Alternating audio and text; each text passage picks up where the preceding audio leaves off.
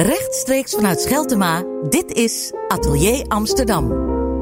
Presentatie Emma-Louise Diest. Nicole Beutler behoeft bijna geen introductie. Al jaren brengt ze de magische combinatie van zowel dans, muziek, theater en beeldende kunst naar het toneel. Waarschijnlijk zonder enige moeite wisselen deze disciplines elkaar af. Het resultaat? Adembenemende voorstellingen, waarbij de toeschouwer iedere keer wordt gewezen op de spanning die bestaat tussen de individuele stem en het collectieve lichaam. En ter ere van het tienjarige jubileum kan je nu vier dagen maar liefst zes verschillende Nicole Beutler voorstellingen bewonderen. En dit feest wordt ruim gevierd en wij doen daar met veel vreugde aan mee. Nicole Beutler is bij ons te gast. Welkom. Hallo. Leuk dat je, dat je er bent. Ja, een bijzondere tijd, denk ik. Uh, een tijd waarin je ook even terugkijkt op al het moois wat je hebt gemaakt. En wij daarin mee kunnen kijken. Uh, tien jaar, dat is een hele tijd. Uh, hoe kijk je zelf terug op die tijd? Nou, het was eigenlijk een hele spannende tijd, vooral omdat ik tien jaar geleden mijn eigen gezelschap oprichtte, dus uh, Nicole Beutler Projects, wat lang NB Projects heette. Um, daarvoor heb ik in collectieven gewerkt, dus ik maak wel al tien jaar langer werk, maar dat was altijd in uh, collectieven van theatermakers, choreografen, wat ook echt een waanzinnig mooie tijd was. Maar die collectieven die braken uit elkaar en in 2009 werd, ik, werd mij aangeraden van het fonds om een eigen compagnie op te richten. En uh, zo is dat eigenlijk ontstaan. En ja, wat het leuke daaraan is, is dat je het werk echt kan intensiveren en meer naar buiten kan brengen. En misschien ook meer. Ik had meer tijd voor onderzoek. Ik heb waanzinnig veel stukken gemaakt. Um, ik uh, heb veel met studenten gewerkt. Ik heb voor, voorstellingen voor de grote zaal, voor de kleine zaal gemaakt. Met um, acteurs gewerkt, met jongeren gewerkt, met dansers en met mimers. Dus het waren hele rijke jaren. En eigenlijk niet alleen maar mijn eigen werk, maar ik heb ook veel gedaan voor de scene. In die zin dat ik nog steeds veel samenwerk met collega, kunstenaars, choreografen. En wij een gezamenlijk netwerk hebben opgericht, bouwplatform voor dans en performance voor de onafhankelijke scene. We hebben meerdere festivals georganiseerd. Come Together, dat is een festival gathering waar uh, we tot aan de 50 kunstenaars uit Amsterdam steunen. En samen met Frascati en andere organisaties in Frascati een driedaags festival doen. Dat gebeurt volgend jaar voor de vijfde keer. Dus het is echt ja, het is een hele rijke, rijke tijd. En eigenlijk zijn zes voorstellingen daaruit überhaupt te kiezen wat we zouden willen tonen. Dat was al moeilijk. En we hebben nu besloten dat we die drie grote zalen die geïnspireerd waren op, um, op Bauhaus, um, cirkel, vierkant, driehoek, dat we die in een, uh, als trilogie presenteren en in Frascati. Klassiekers, uh, songs, dat was de, voorste, de eerste voorstelling die ik 2009 met mijn eigen gezelschap realiseerde. En The Garden is een voorstelling die gewoon een van onze klassiekers is en die heel erg geliefd is. En dachten we, we brengen die ook weer terug. Ja, en songs, uh, daarmee won ik toen de Meme-prijs. Uh, dus het is ook eigenlijk een voorstelling die sinds 2009, dus sinds tien jaar op tournee is. Eigenlijk een soort popconcert op basis van klassieke toneelteksten. Dus het is niet in die zin een choreografie, maar ik maakte toen een choreografie voor de stem. Nou ja, zo, dus uh, dat programma samen te stellen, uh, ja, daar moesten we wel echt een scherpe keuze maken. En misschien ook dat je daarbij kijkt dat het beeld wat je dan brengt aan de toeschouwer, dat dat een beeld is van ja, een soort samenvatting van die tien jaar wellicht. Ja, of, da, of van dat wat, wat belangrijk voor ja. ons was in die tien jaar. Zeker, dat was, wel, dat was wel ook de insteek. Ik heb natuurlijk de afgelopen uh, drie grote zaalvoorstellingen. De eerste was vijf dubbelpunt Echo. De tweede was zes dubbelpunt The Square. En de derde zeven dubbelpunt Triple Moon. Als ik het uitspreek, laat, laat ik meestal die nummers weg. Ik zeg gewoon Triple Moon, The Square en Echo. Uh, die zijn gebaseerd op cirkel, vierkant en driehoek en wat deze vormen voor ons betekenen in de manier hoe wij samenleven. En dat vond ik een, um, een mooi aanbod aan mensen om te kijken naar uh, de trilogie als geheel. En um, omdat ik bijvoorbeeld in het eerste stuk Echo, daarin komt ook een cirkeldans voor. Dat is bijna een ritueel van samen dansen. Zo de, de oorsprong, hoe mensen vroeger samen dansten, was toch in cirkeldansen, een soort volksdans. Dus je brengt in die voorstellingen ook een soort reflectie op hoe wij met elkaar omgaan, of hoe Ja. de wereld in elkaar zit. Ja, ehm, ik, ref- ik, ik reflecteer over de wereld en ik, ik ben nog ergens ben ik een idealist en ik wil de wereld eigenlijk met mijn voorstellingen een beetje beter maken. Over de staat van ons samenleven nadenken. Dus bijvoorbeeld als ik dan aan, over de cirkel nadenk en wat die voor ons zou kunnen betekenen, denk ik aan cirkeldansen. En dat is eigenlijk een ritueel voor de samenwerking. Dus dat we samen moeten komen en samen zijn we sterker. En dat kan heel erg ontroerend zijn om dat te zien. Om eh, mensen met elkaar in een cirkel te laten dansen. En dit zijn in dit geval natuurlijk getrainde dansers. Die eh, een choreografie herbeleven die uit de jaren zeventig komt. Maar uiteindelijk is de vorm echt een, een, bijna een ritueel voor de samenwerking. Maar wat gebeurt er dan met de toeschouwer? Want je zegt, ik ben een idealist. Ik zou graag willen dat degene die naar mijn, mijn voorstellingen kijkt... dat diegene daarin ook misschien een klein beetje verandert. Of zijn blik verandert Ja. een klein beetje. Ja. Hoe zorg je ervoor dat wat er op het toneel gebeurt... ook zijn weerslag heeft op de toeschouwer? Op die manier. Ja, ik kan het natuurlijk niet op dictatorische wijze bepalen hoe het precies zijn neerslag vindt. Maar ik probeer wel de beelden die ik genereer zo mooi te laten zijn dat het ook een immersieve ervaring is. Dus dat je zelf als, onder, als toeschouwer onderdeel waant van hetgeen wat er gebeurt. Dat het zo mooi is en zo meeslepend. Bijvoorbeeld Gary Shepard, dat is mijn partner, DJ-producer, die maakt altijd de muziek. En de muziek is eh, ook heel erg meeslepend. De beelden zijn mooi. Een collega van mij zei altijd: je kan eigenlijk op elk moment een foto maken. Ehm, dus oog en oor worden gestreeld en tegelijkertijd. ehm, is, eh, eh, is de inhoudelijkheid heel erg belangrijk voor mij. Dus het zijn niet alleen maar beelden, maar de keuze voor wat je ziet, dat doet iets met je als, toesch- als toeschouwer. Dus ik probeer echt de toeschouwer en ook die mensen op toneel te empoweren. Ik weet daar geen beter Nederlands woord voor. Om te zeggen, wij als mensen, als wij samenwerken, dan kunnen we iets veranderen. Dan kunnen we, als het nodig, de manier hoe we samenleven, de wereld veranderen. Dus die idealistische boodschap die zit erin. Dus aan de ene kant is het iets meeslepends en aan de andere kant blijft het altijd een reflectie op onze staat van zijn. Bijvoorbeeld de tweede voorstelling gaat over het vierkant. En toen ik nadacht over, over het vierkant, die heet The Square, dacht ik, eh, vond ik uit dat dat vierkant in de natuur bijna niet voorkomt, maar dat het een door de mens gemaakte vorm is.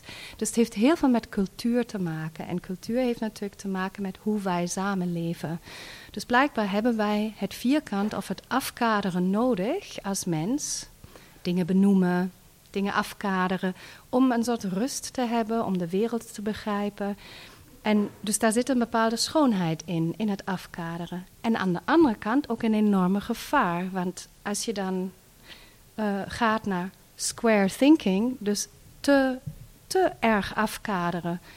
Dit is een man, dit is een vrouw, dit is zwart, dit is wit. Dan ontstaat er geen groeiproces, dan ontstaan er alleen harde grenzen en dan worden er muren gebouwd. En die hele populistische stroming die ons in de afgelopen weet niet, jaren, eh, kan je zeggen, teistert. Bedrijf, of, eh, die om ons heen eh, constant aanwezig is, heeft daar heel gevaar, veel mee, ja. als een gevaar, heeft daar heel veel mee te maken met dat het raakt aan de behoefte van de mens om orde, om afkaderen. En aan de andere kant ehm, is dat ook een belemmering van het echte leven. Dus die harde grenzen op te stellen. En eigenlijk kaart ik dat aan in de voorstelling The Square. Dat het aan de ene kant aantrekt en aan de andere kant echt afstoot. Maar wat je ook zegt, ehm, om dat kracht bij te zetten, die visie en eh, ja, dat doel van de voorstelling eigenlijk, Ja, ehm, moet je keuzes maken. ja. Hoe doe je dat? Wat moet je dan juist niet doen? Want je zegt, ik wil graag iets hartverwarmends overbrengen. Maar daarin moet je dus ook bepaalde dingen wellicht weglaten. Ja, eigenlijk ben ik ook een vrij ehm, een kunstenaar die probeert alleen maar het essentiële te tonen. Dus ik, de beelden die ik maak, die proberen wel een soort essentie te raken. En het, ik laat het overbodige weg. Dus ik probeer echt de kern op toneel te brengen. En dat kan je noemen een minimalistisch eh, aanpak.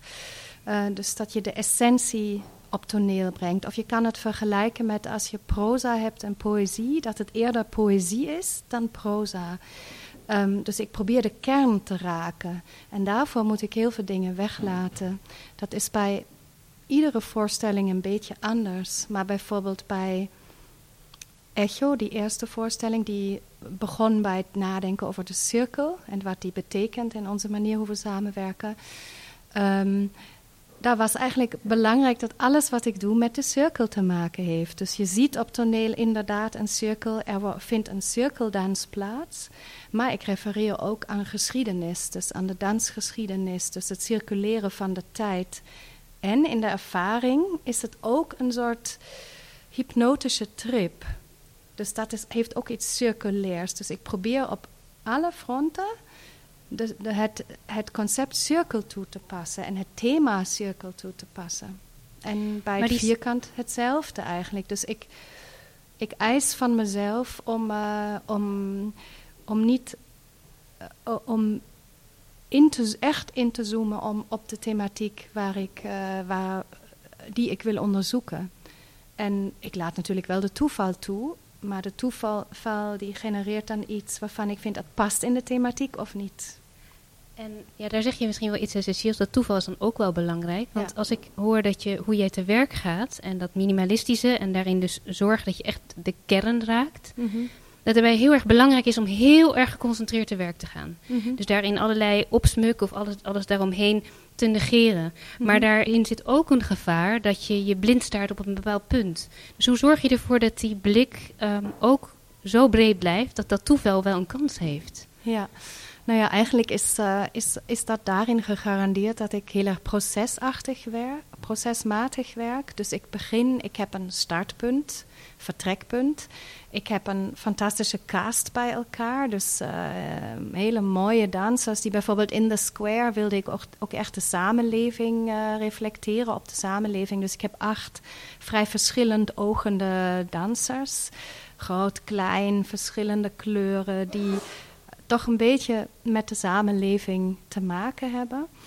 En, ehm, en dan ga ik met dat onderwerp, de square en vierkant denken, naar de studio. En natuurlijk in de dialoog met de dansers, met de dramaturg, met de lichtontwerper en de, de componist ontstaan er dingen tijdens het proces die ik nooit zelf had kunnen voorspellen.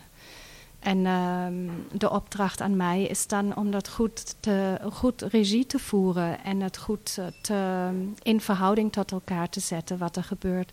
Maar er is altijd heel veel plek voor de toeval en voor het proces. En ik zeg ook altijd, je moet een bepaalde naïviteit hebben om uh, theater te maken. Spelen moet je echt ook toelaten, anders uh, um, kom je nooit in onverwachte hoeken terecht.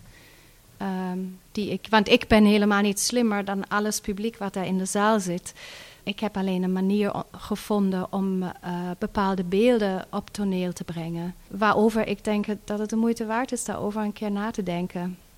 En je zegt ook, je gaat de dialoog aan met de dansers en met iedereen die, die werkzaam is binnen jouw uh, collectief. Ja. Maar vooral die dialoog met die dansers, dat lijkt me heel erg belangrijk. En het, je, hebt natuurlijk, je werkt ook met hele jonge dansers. Mensen die nog aan het begin staan van, uh, van hun carrière. Dus de eerste stappen zetten op het toneel. Voel je ook een beetje een verantwoordelijkheid? Want je vraagt veel van de dansers. Ze moeten zich vrij openstellen.